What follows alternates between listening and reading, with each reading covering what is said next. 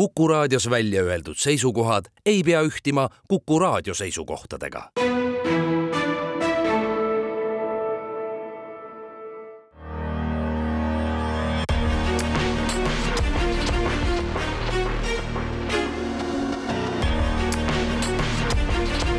välismääraja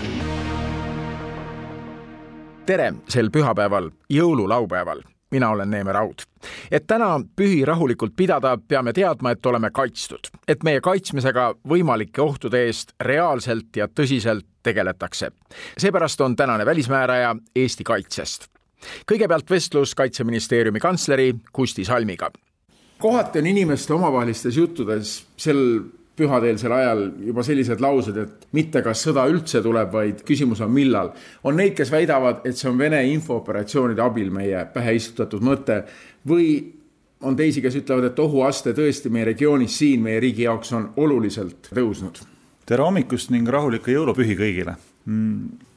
arvan, see küsimus on äh, siin tuleb tagasi minna sellise inimese evolutsiooni ajalukku, et inimesel on, inimkonnal on väga hea omadus kuidagi ennast suurte riskide vastu ära blokeerida.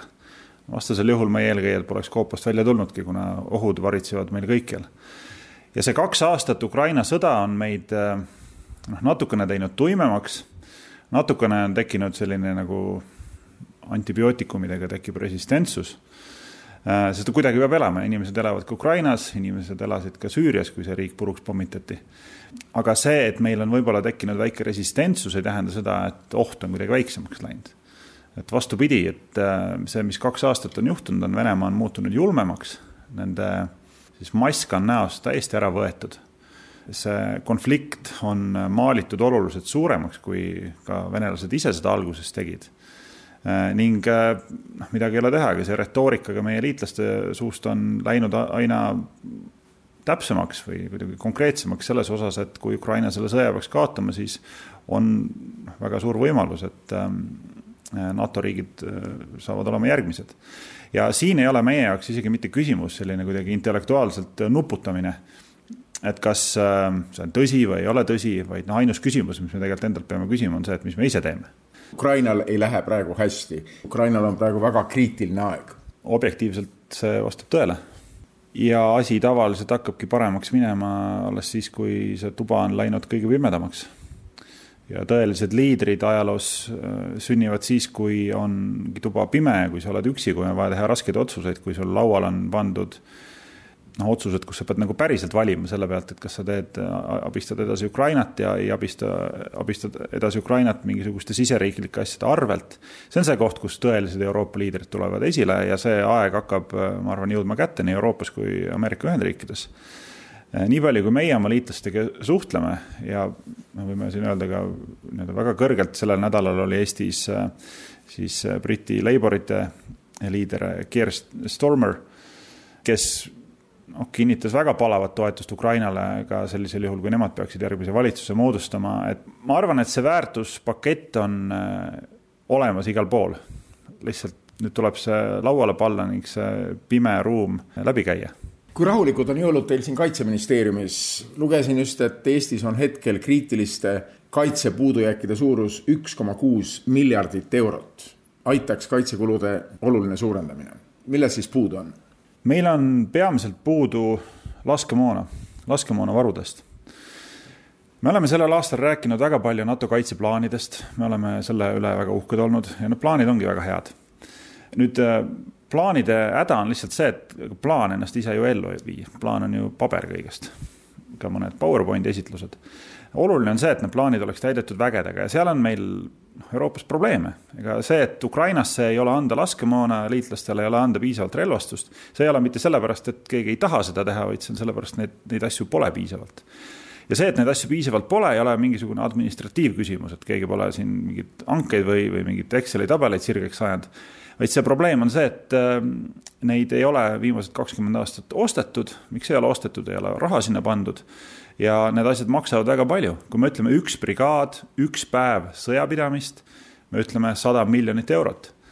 Äh, selleks, et Venemaad heidutada piisavalt, on neid päevi ja nende kõikide brigaadide jaoks, mis ka siia peavad tulema, päris palju vaja.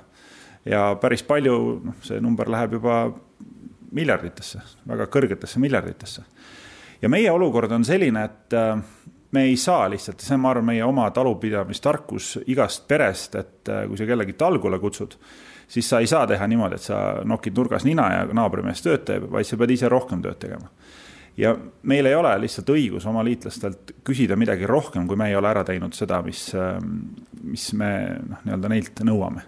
et see on see koht, miks seda vaja on, see summa on tõesti puudu, aga ma, ma arvan, et me mingi hetk äh, jõuame sinna ja, ja teeme selle asja ka ära kas oleks õigustatud teie arvates näiteks uue kaitsemaksu kehtestamine, kuigi räägitakse praegu, et uusi makse kehtestada ei saa, sest inimesed ei jõua neid enam maksta, sest maksukoorem on niivõrd suur, aga kui tuleb konkreetselt näiteks kaitsemaks, me teame kõik, et see on Eesti julgeoleku huvides, kas see aitaks?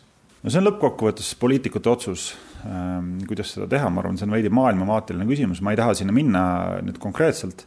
oluline on see, et, ähm, et see ei ole ainult äh, kulu sellel nädalal äh, kirjutas ka Bolti asutaja sellest, et äh, tegelikult tunnetuslik kehvem julgeolekuolukord on äh, asi, mis mõjutab meie iga, iga inimese arveid.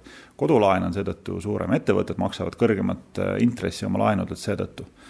ehk tugevam julgeolek, suuremad investeeringud julgeolekusse toovad kaasa ka stabiilsema investeerimiskeskkonna Nad panustavad majandusse väga palju tagasi, üle poole Eesti kaitseinvesteeringutest läheb tagasi Eesti ettevõtetesse.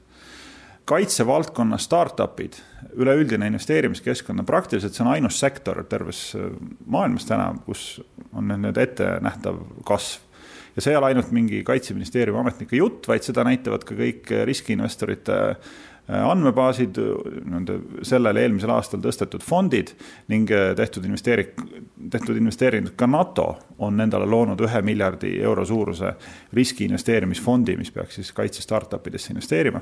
see on Eesti tugevus olnud viimased paarkümmend aastat, me peaksime seda äh, teemat väga hästi valdama ning see võiks olla siis osa meie sellest järgmisest eduloost et kui me räägime kaitsest, siis me ei pea ainult rääkima sellest, et see on kuidagi kantud ohust, vaid me peame rääkima ka sellest, et see on äh, kantud võimalusest, see on kantud uutest töökohtadest, uutest tehnoloogiatest, ekspordist, välispartneritest, äh, investeeringutest, majanduskasvust ja nii edasi. kui me räägime, et meie kaitse olukord võiks olla tugevam. kui tugev ta üldse saaks olla, kui selline suur naaber etteaimamatute sammudega on siin kõrval, kui palju me seda kaitset võime ja saame reaalselt tugevdada, et võime ühel päeval öelda, et meie kaitseolukord on nüüd hea ja tugev, kas üldse saab selline aeg tulla? Ma arvan, need numbrid, millest me enne rääkisime, see on see koht, kus me saame nina vee peale juba, et need numbrid, mis meil täna on, on viimase kahe aasta jooksul läinud nagu päris palju paremaks ka Eesti inimeste osas. kaheksakümmend kolm protsenti Eesti inimestest arvab, et Eestit tuleks sõjalise rünnaku korral kaitsta üle. üle kuuekümne protsendi, ähm, täpsemalt siis äh, kuuskümmend neli protsenti on valmis sinna ka ise panustama ning kui me vaatame nüüd noh, sinna veel täiesti sisse siis, siis kakskümmend protsenti Eesti meestest on valmis noh, nii-öelda sõtta minema see on Eestis juba päris palju inimesi, meie oma sõjaaja struktuur, nelikümmend neli tuhat meest, kes esimesel hommikul välja tuleb. Äh, meil on liitlased siin, äh, alaliselt täna kaks tuhat viissada kokkulepet liitlastega, et neid saab siin päris palju olema sellel hetkel, kui sõda tuleb. Äh, ja see tugevus on mingi hetk krutib juba nii suureks, et Venemaa Exceli tabeleid, kus nad neid arvutusi teevad, et kuidas kiiresti ja jagu saada, no need lihtsalt lähevad errorisse et äh, nad vaatavad, et ei, ei ole, ei ole võimalik või see hind, mis selle eest tuleb maksta, on nii suur. aga see veenmine ei käi meil kuidagi siin niimoodi, et me üksteisega siin teeme intervjuusid ja räägime, kui toredad me oleme. vaid noh, see lõpuks mõõdupuu on see, et me suudame Vene Föderatsiooni selles veenda ja see ei ole ainuke selles mõttes asi, mis me täna peame tegema, me peame tegelikult veenma ka meie liitlasi. me veename oma liitlasi läbi meie oma eeskuju, mitte tänitamise või patroneerimise aga see sõda ei saa ju tulla üleöö, eks on oluline ju eelluure, eelteated, me nägime ka Ukraina sõja puhul, kuidas USA hakkas juba nädalaid enne seda, kui sõda reaalselt hakkas hoiatama, et sellist olukorda ei saa tekkida, et üleöö korraga hommikul ärkame, et nüüd on sõda. Või saab tänase päeva võrdluses kindlasti seda ei saa teha, et neil ei ole piisavalt äh, vägesid siin äh, ja no üleüldiselt, ega nende eesmärk ei olegi ju sõtta minna tingimata, et nende eesmärk on saavutada oma poliitilisi eesmärke, nad on selle kõik kõigile teatavaks teinud, nad tahavad taastada Nõukogude Liidu aegsed mõjusfäärid, üleüldise sellise bipolaarse maailma. Nad on selle ka paberil kõigile esitanud, kõik võivad seda lugeda ja enne kui mingi sõjaliseks asjaks läheb, eks nad üritavad siin muud moodi liitlasi tülli ajada omavahel, üleüldist sellist ärevusfooni, julgeolekufooni, muidu kruttida üle maailma erinevaid strateegilisi dilemmasid tekitada liitlastele, mida me tegelikult ka täna näeme. Et see võib öelda, et Ukraina sõda on ühte või teistpidi siis, siis oma pritsmed või lainetuse laiali löönud Lõuna-Ameerikasse, noh loomulikult Iisrael, Gaza, Balkanil on seal temperatuur läinud äh, kõrgemaks, ähm, piirihädad meie oma siin äh, regioonis, et äh, neid hüppab sealt igalt poolt üle maailma välja, neid muresid. Tuleme nüüd NATO kaitseplaanide juurde, käisid korraks juba meie jutust läbi need plaanid, kui konkreetselt need nüüd paigas on, kas praktiliselt siis kilomeetri haaval on selge, mis hakkab toimuma, kui Eestit rünnatakse? no see on asi, kus ma väga detaili ei saa minna, aga ma ütlen, et see töö, mis nende plaanidega tehtud on, on olnud, on päris hea nüüd see evolutsioon siis äh, Madriidi tippkohtumisest eelmisel aastal, kui see nii-öelda suur visioon paljuski meie, tänu meie peaministrile sai esile pandud, et äh, NATO ei kavatse aktsepteerima seda karistuseheidutused momenti, kus äh, mingikski ajaperioodiks siis nii-öelda osa NATO territooriumist saaks okupeeritud olema, me peame esimesest hetkest olema valmis.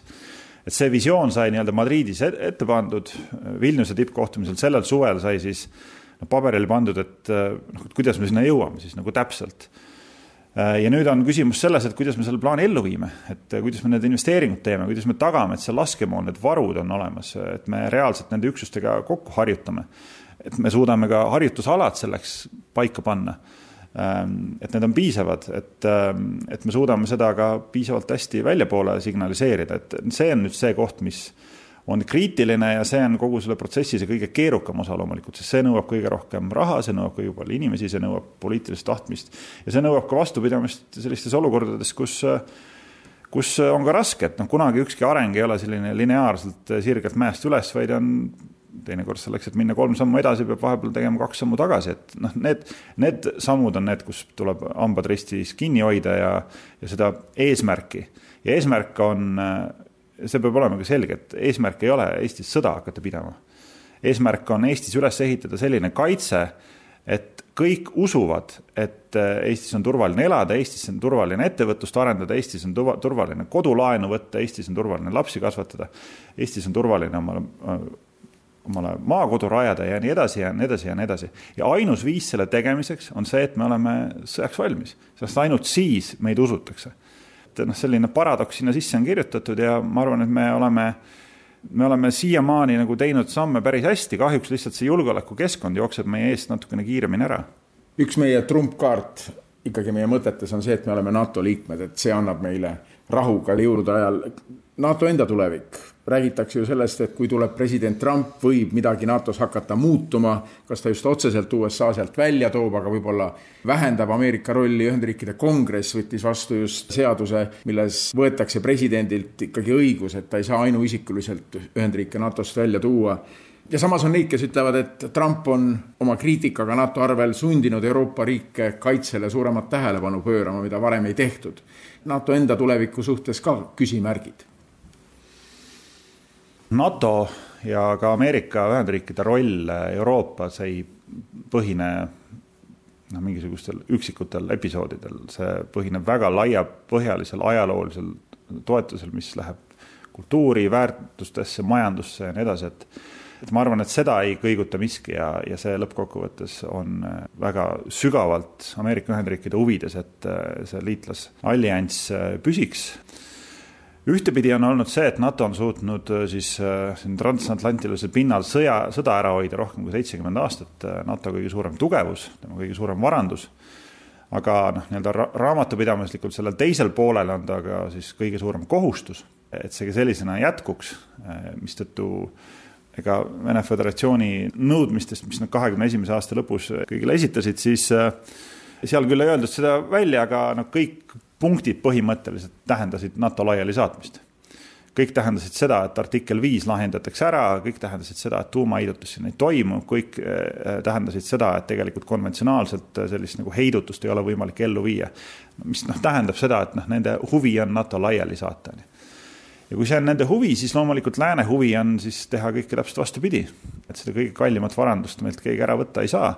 liitlased loomulikult kõik saavad sellest väga hästi aru, et mis on selle asja hind, kui NATO Äh, peaks kõikuma hakkama ning äh, seda varandust kaitstakse kõvasti, palju, sest äh, siis ei minda ainult sellesama aluslepingu kallale, vaid minnakse nende samade asjade kallale, millel see NATO püsib need, need ongi needsamad väärtused, seesama majanduskoostöö, seesama allianss, mille kaudu tegelikult eksporditakse ka demokraatiat, vaba turumajandust, vaba ajakirjandust, inimeste eneseteostuse os-, võimalust üks korruptsioonivaba maailma, kõike seda, mille eest me tegelikult siin seisame. et inimene saaks vabalt elada ja, ja oma unistusi ellu viia. ja see on tegelikult see majakas, mis pilgub ja mis meile seda suunda näitab ja see on asi, millest äh, ma arvan, et siin need miljard inimest, kes siin transatlantilise katuse all elavad, kes sellest loobuda ei taha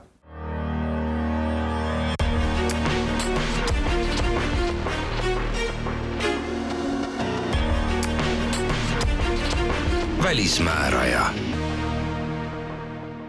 tänane välismääraja sel pühapäeval, jõululaupäeval Eesti kaitsest, et saaksime rahulikult pühi pidada, teades, et oleme kaitstud. kaitseministeeriumi kantsleri Kusti Salmiga jätkame NATO on üks meie turvagarantii, aga Eesti on sõlminud ka kahepoolseid otselepinguid näiteks Suurbritanniaga, kes on meil suurim liitlane, NATO liitlane ja ka Eesti liitlane, kes on kohapeal Ühendriikidega kahepoolne kaitseleping. milleks need kaitselepingud veel vajalikud on? lõpuks on see, et ega need suured sõnad, mis on esile pandud, tuleb lõpuks ju kuidagi tõlgendada päris tööks kes kuhu läheb, kes mida teeb, kes palju maksab, millal mingid asjad juhtuvad. et see on selline kaitsemaailma selline köögipool, selline administratiivpool, kus tuleb asjad selgeks teha, kokku leppida, paberile panna nii, et, et on võimalik aru saada, et asjad paremaks lähevad. see on tavapärane töö. võib-olla tänapäeval nad saavad lihtsalt rohkem tähelepanu, aga noh, samal ajal on see siis veel omakorda selline suur punane tempel peale sellele, et need liitlaskoostöö päriselt toimib ja ei toimi ainult mitte sellistes suurtes sõnades, vaid toimib ka paberite peal, kus kõik on viimse detailini lahti kirjutatud seda koostööd me näeme siis, kui liitlasväed on siin kohal, väidavad paljud, aga Eestis ei ole nii arvukalt vägesid kui võib-olla mõnes meie naaberriigis. ja on neid, kes väidavad, et sõjaolukorras küll on meil lubadused, et väed jõuavad kiiresti siia, aga me ei tea seda. kui kiiresti need väed siia jõuavad, kui oluline on see meie turvatundele, et väed on kohal versus siis see, et, et väed tulevad?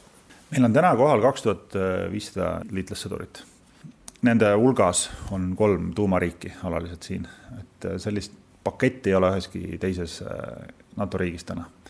see on iseenesest päris suur garantii, nad on siin, ega need ju saavad ka ometi sellest aru, et mis see dilemma on ja kõik saavad aru ka sellest, et äh, mis see meie kõige suurem nõrkus on. meie suurem nõrkus, selleks ei pea olema mingi tohutu strateegia, me oleme Euroopa ääres, siia on raske saada.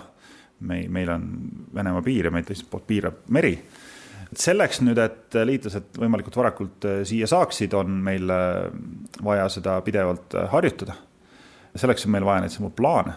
asjad toimivad kiiremini, kui sa oled selle läbi harjutanud, sa täpselt tead, kuidas, mis. ja no mis veel on oluline ja seetõttu, miks me räägimegi sellest laskemoonast nii palju, on see, et inimesi on suhteliselt lihtne transportida. mis on raske osa, on kogu selle raske, kaaluka, külma raua tassimine ja selleks, et Vene Föderatsioon ka veenduks selles, et äh, need liitlased saavad siia olema, me peame lihtsalt indikeerima seda, et see raske asi saab ka õigel hetkel siia. ja kõige parem viis seda teha on see, et osa on juba siia toodud. seda kutsutakse eelladustamiseks, inglise keeles on selle asja nimi pre-positioning. et see on, ütleme, omab sellist logistilist väärtust, aga ta omab ka sellist nagu väga lihtsat heidutuslikku väärtust, sest ta veenab vastast, et ollakse valmis ja need asjad on juba siia toodud et seda eesmärki täita ja kui nad seda näevad, siis see on see, mis selle mõtte nende peast lõpuks ära pühib. ja selleks, et see juhtub, on noh, kõigepealt oluline see, et me saame kõikidele liitlastele näidata, et vaadake, meie asjad on, on äh, veatult korraks tehtud ja meie oleme need lubadused, mis NATO-s on võetud, täielikult ära täitnud eestlastel on peas ka mõned konkreetsed arvud neil pühade ajal, räägitakse, et meil on aega aasta kuni kuus aastat siin erinevatel andmetel, enne kui see rünnak Venemaa poolt võib tulla, et selle ajaga peame asjad korda saama oma kaitsevallas. kui tõsiselt nendesse konkreetsetesse numbritesse, mis ikkagi süvendavad ärevust, et kuidas neisse suhtuda? loomulikult me peame suhtuma nendesse tõsiselt, aga ma tahan tulla siia tagasi, et äh, see ei ole mingi fatalism meil on konkreetne plaan, kuidas me jõuame sinna, et kuidas NATO-ga koos on võimalik Vene Föderatsiooni heidutada. ja selleks on meil konkreetsed asjad, mis me peame ise ära tegema.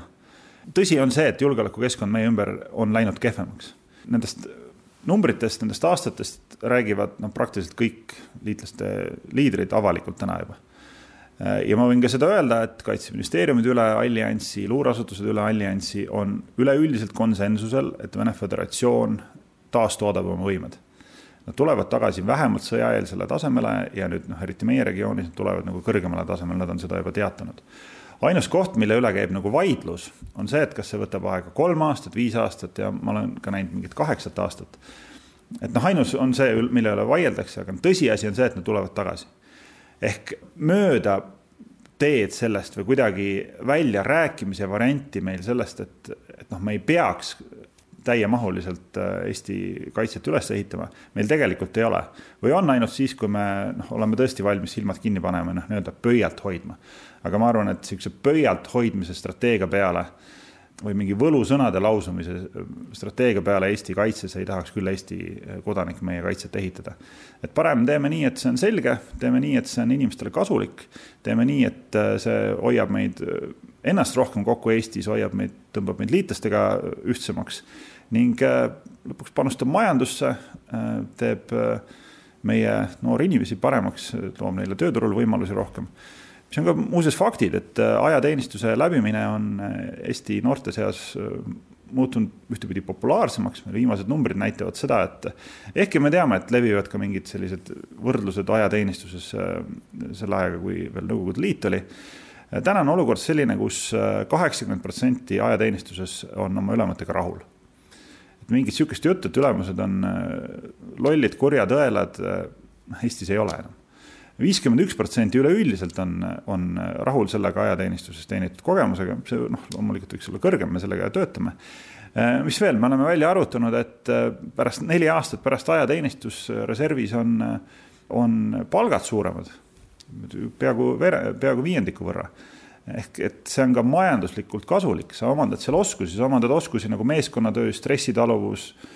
Väga paljud omandavad esimese juhtimiskogemuse kahekümne aastaselt et see, need on unikaalsed oskused tööturul ja me peame noh, ise muutuma ka paremaks nende oskuste reklaamimisel ja lõpuks, kui meil see õnnestub, siis süsteem hakkab ise ennast tootma, et kõik paremad tahavad sinna minna, vanemad tahavad oma last panna ajateenistusse, muutub soodsaks olemine reservväelane, see on ühiskond, ühiskonnas muutub see nooblimaks ja siis see hakkab ennast ise juba tootma, sest kõik tahavad ennast seostada asjadega, mis on positiivsed, mis toovad sulle elus kasu ja lõppkokkuvõttes teevad Eesti turvalisemaks paigaks, kus elada.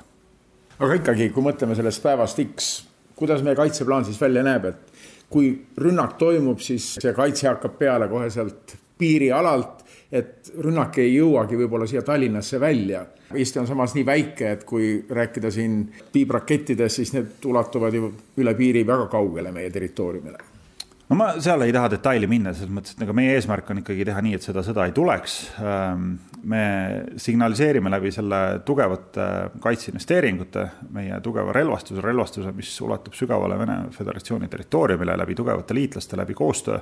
aga loomulikult, kui seda vaja läheb, siis esimesest hetkeks me teeme kõiki neid asju, mis vaja on. meid on palju ja see saab olema esimesest minutist väga valus.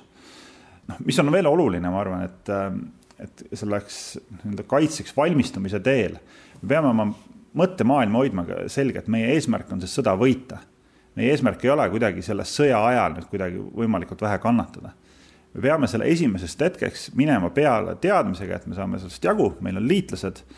Äh, me oleme ise piisavalt valmis, meil on laskemoona relvastust piisavalt palju, et me päriselt ka suudame iga soomukit, tanki ja sõduri puruks lasta me teame, kuidas teha, me oleme selleks ette valmistatud, meil on kaitsetahe, meil on äh, tugevad äh, juhid ja me oleme seda läbi harjutanud ja kui see mõte on sul peas, siis ainuüksi sellest juba piisab, et äh, Vene Föderatsioon seda usuks. võin väita seda, et Kaitseministeeriumi valitsemisala juhtkonnas, mis puudutab siis kaitseväe juhatajat, kaitseväe juhataja asetäitjat, diviisiülemat, peastaabi ülemat, väeliikide ülemaid, Kaitseministeeriumi juhtkonda, kaitseministrit, me töötame praktiliselt ühes südamerütmis kõik on veendunud selles, mis tegema peab, ülesanded on ära jaotatud. meie suhted liitlastega pole kunagi olnud nii lähedased, lähedased väga paljuski isiklikel tasemetel. et selles suhtes ma arvan, et me teeme asju hästi. aga midagi ei ole teha, ega ma lähen ka väga tihti õhtul koju see küsimusega, et aga kas me oleme piisavalt teinud. ja noh, paraku ei ole alati vastus jah. et midagi ei ole teha, see ümbritsev maailm jookseb kiiremini eest ära kohati. Kusti Salm, kaitseministeeriumi kantsler, rääkis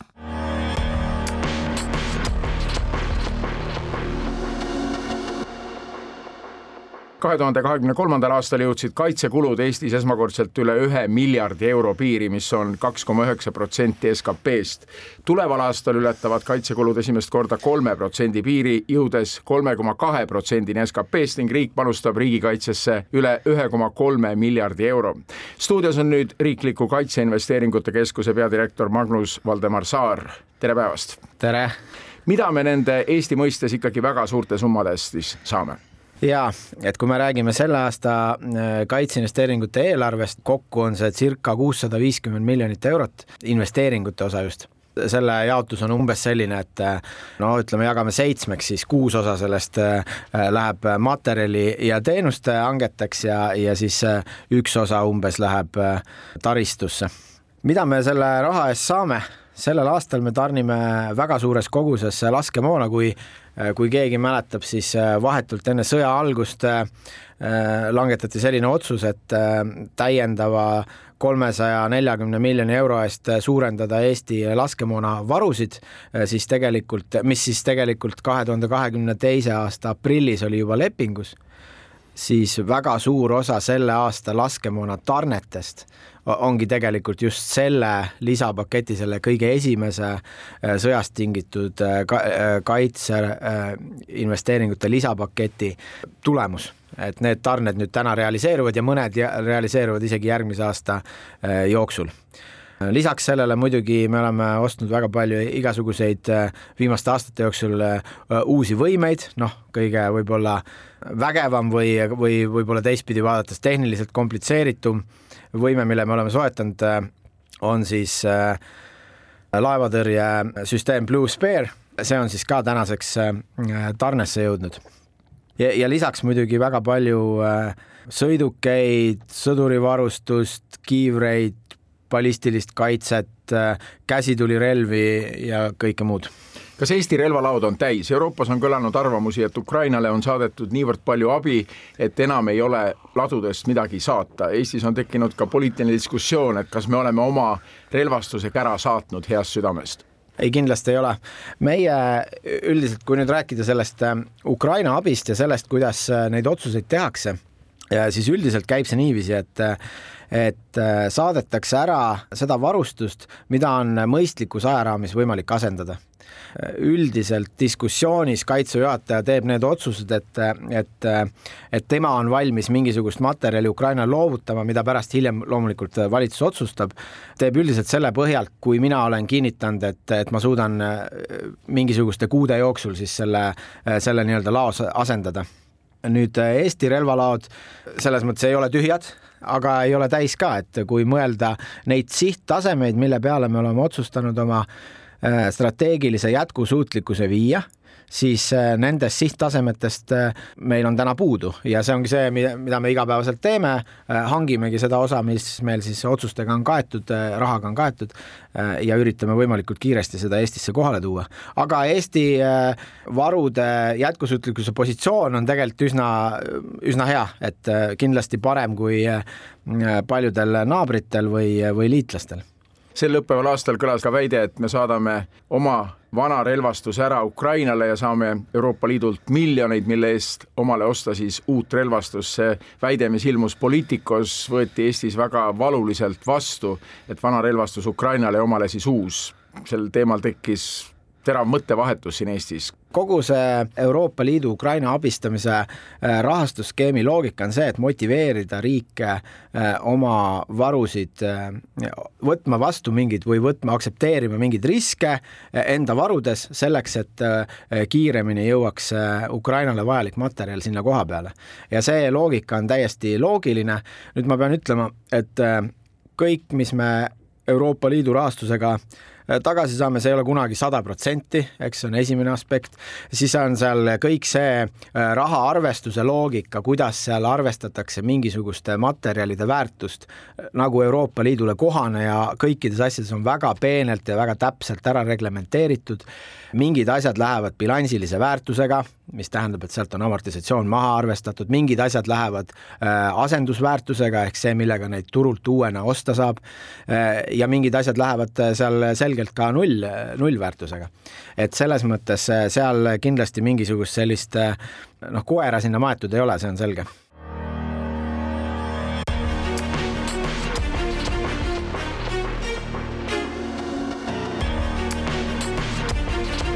välismääraja. jätkame juttu Eesti kaitsest riikliku kaitseinvesteeringute keskuse juhi Magnus Valdemar Saarega veel üks teema, mis on palju kõneainet andnud, Euroopa kaitsetööstus ei ole suutnud hakata sõjaoludele vastavalt toodangut suurendama ja seetõttu ei ole Euroopal võimalik oma ladusid täiendada. kas see puudutab ka meid, kui palju me sõltume sellest Euroopa kaitsetööstusest, mis ei ole suutnud end käima panna nii jõuliselt, kui vaja on?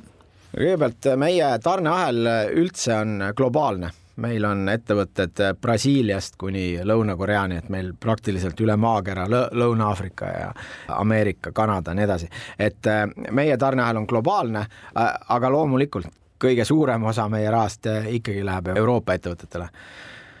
muidugi sõltume. nüüd äh, aga kui hakata seda äh, vajaduse poolt natuke kaugemalt harutama, siis Euroopa kaitsetööstus kolmekümne aasta jooksul on ümber kohanenud sellisele väga kõrge tehnoloogilise küpsuse ja sellise spetsiifilise relvastuse tootmiseks turutingimustes, kus, kus põhimõtteliselt noh, Afganistani, Iraagi sõdade näitel toimib põhimõtteliselt selline loogika, kus, kus täiendavasse tehnilisse võimekusse ollakse nõus raha külvama ja noh, selle eest maksma selle hinnaga, et teatakse, et neid süsteeme, millest iganes siis ka, ka rääkida, ei saa nii-öelda massiliselt osta, aga saab osta käputäie, millega siis noh, näiteks äh, nendes äh, nagu mõnel pool äh, žargoonis on öeldud butiiksõdades nagu Afganistani, Iraagi sõda mingis mõttes noh, halvustava žargooniga, eks ole, mida nad mingis mõttes on. mis tähendab seda, et võeti nagu selgelt sisse see risk, et laiaulatusliku konventsionaalse äh, enam-vähem võrreldava äh, võimekusega vastasega äh, sõjaks ei jätku neid süsteeme piisavalt. Äh, ja see on, see selline tendents on kestnud aastakümneid ja see on meid pannud sellesse olukorda, kus me täna oleme. nüüd on vaja ümber häälestuda allianssi kaitsma enam-vähem võrreldava vastase vastu konventsionaalses laiaulatuslikus sõjas.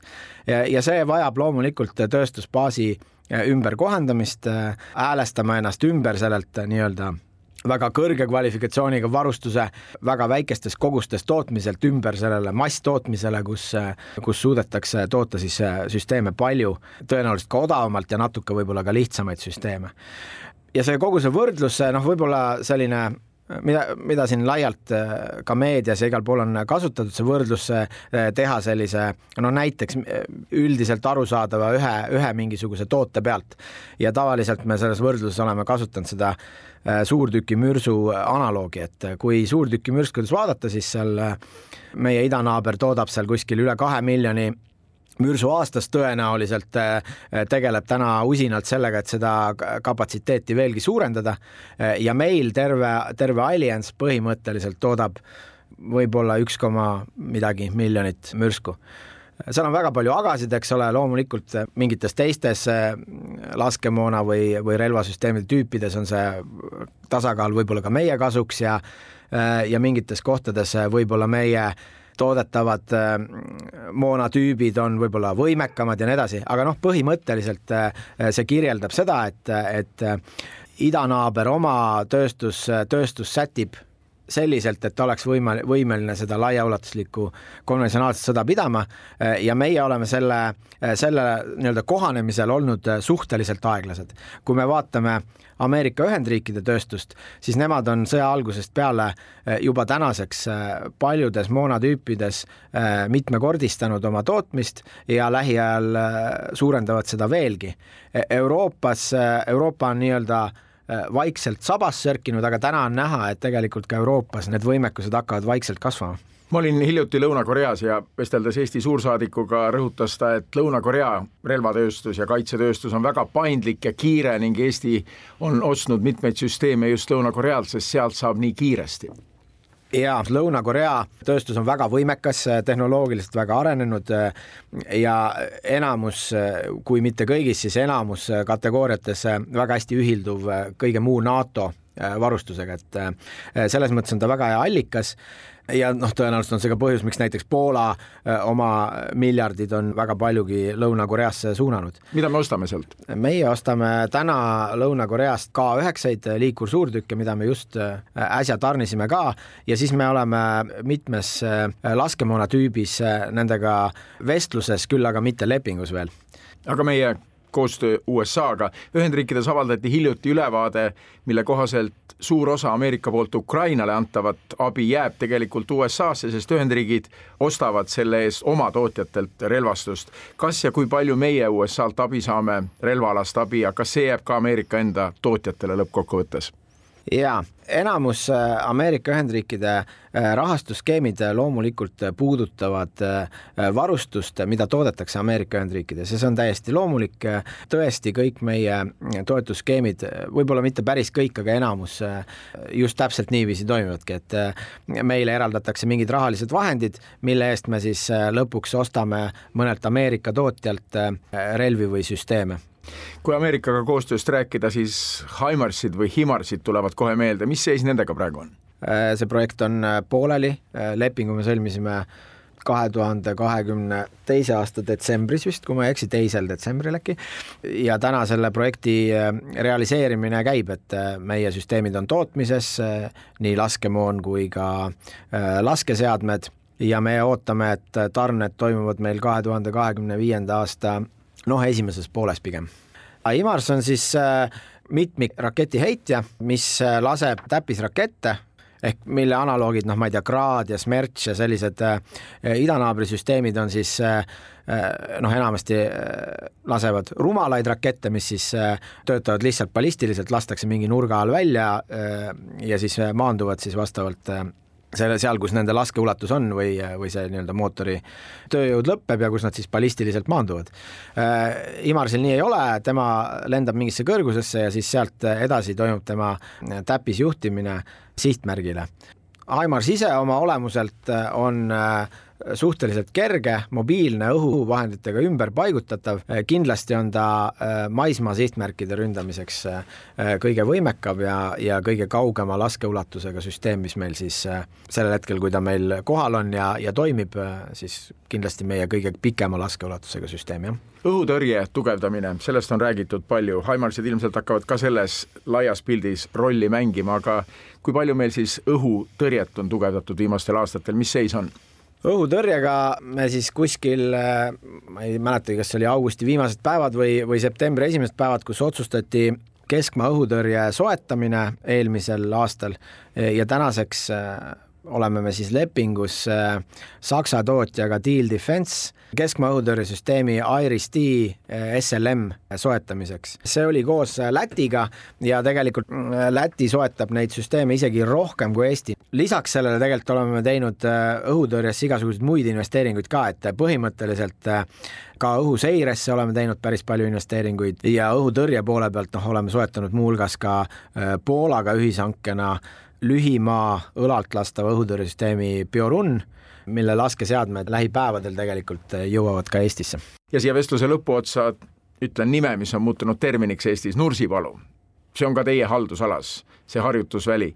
mis seal toimub? see on saanud omamoodi sünonüümiks riigi ja kohaliku kogukonna vahelistes suhetes jaa, harjutusväljad on tõesti äh, minu portfellis. Nursipalus äh, praegu on siis äh, Vabariigi Valitsus oma korraldusega laiendas ära harjutusvälja uutesse piiridesse, mis on napilt alla kümne tuhande hektari.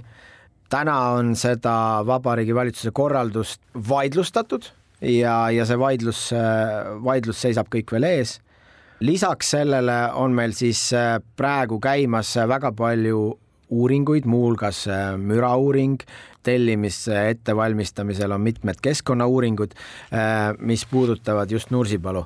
nii et äh, tegevus käib seal aktiivselt aga selles mõttes ehitustegevust praegu Nursipalu harjutusväljal ei käi, küll aga sellega, selle lähialal näiteks oleme me täna rajamas siis Võru ligidale liitlaste vastuvõtuks ja lahingu korda panemiseks mõeldud äh, äh, rajatisi, mida me nimetame ERSOM rajatisteks. ERSOM siis tuleb lühendist Reception Staging and Onward Movement, mis siis võimaldab pikalt reisilt, noh näiteks üle ookeani reisilt saabuvatel liitlastel ennast lahingukorda panna, viia läbi piirkonnale omane äh, treening ja, ja valmistuda ette siis operatsioonideks konkreetses piirkonnas Äh, samuti oleme siis äh, rajamas äh, Võru-Valga maantee ja Sõmerpalu ümbersõiduteed ja, ja lähiajal hakkame projekteerima mõnda rajatist veel siis Kagu-Eestisse, üldiselt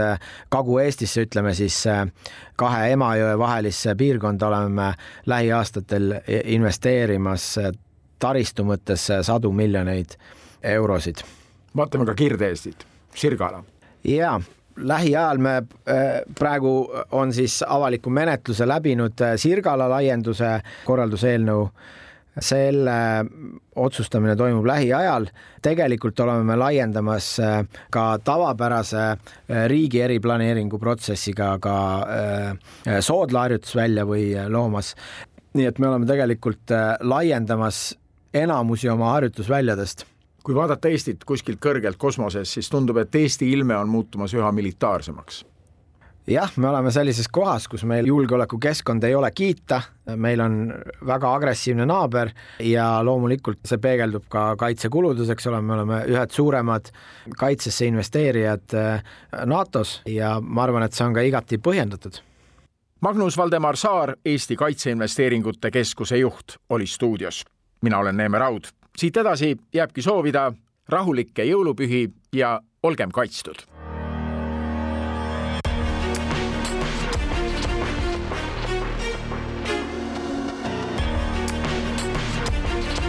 välismääraja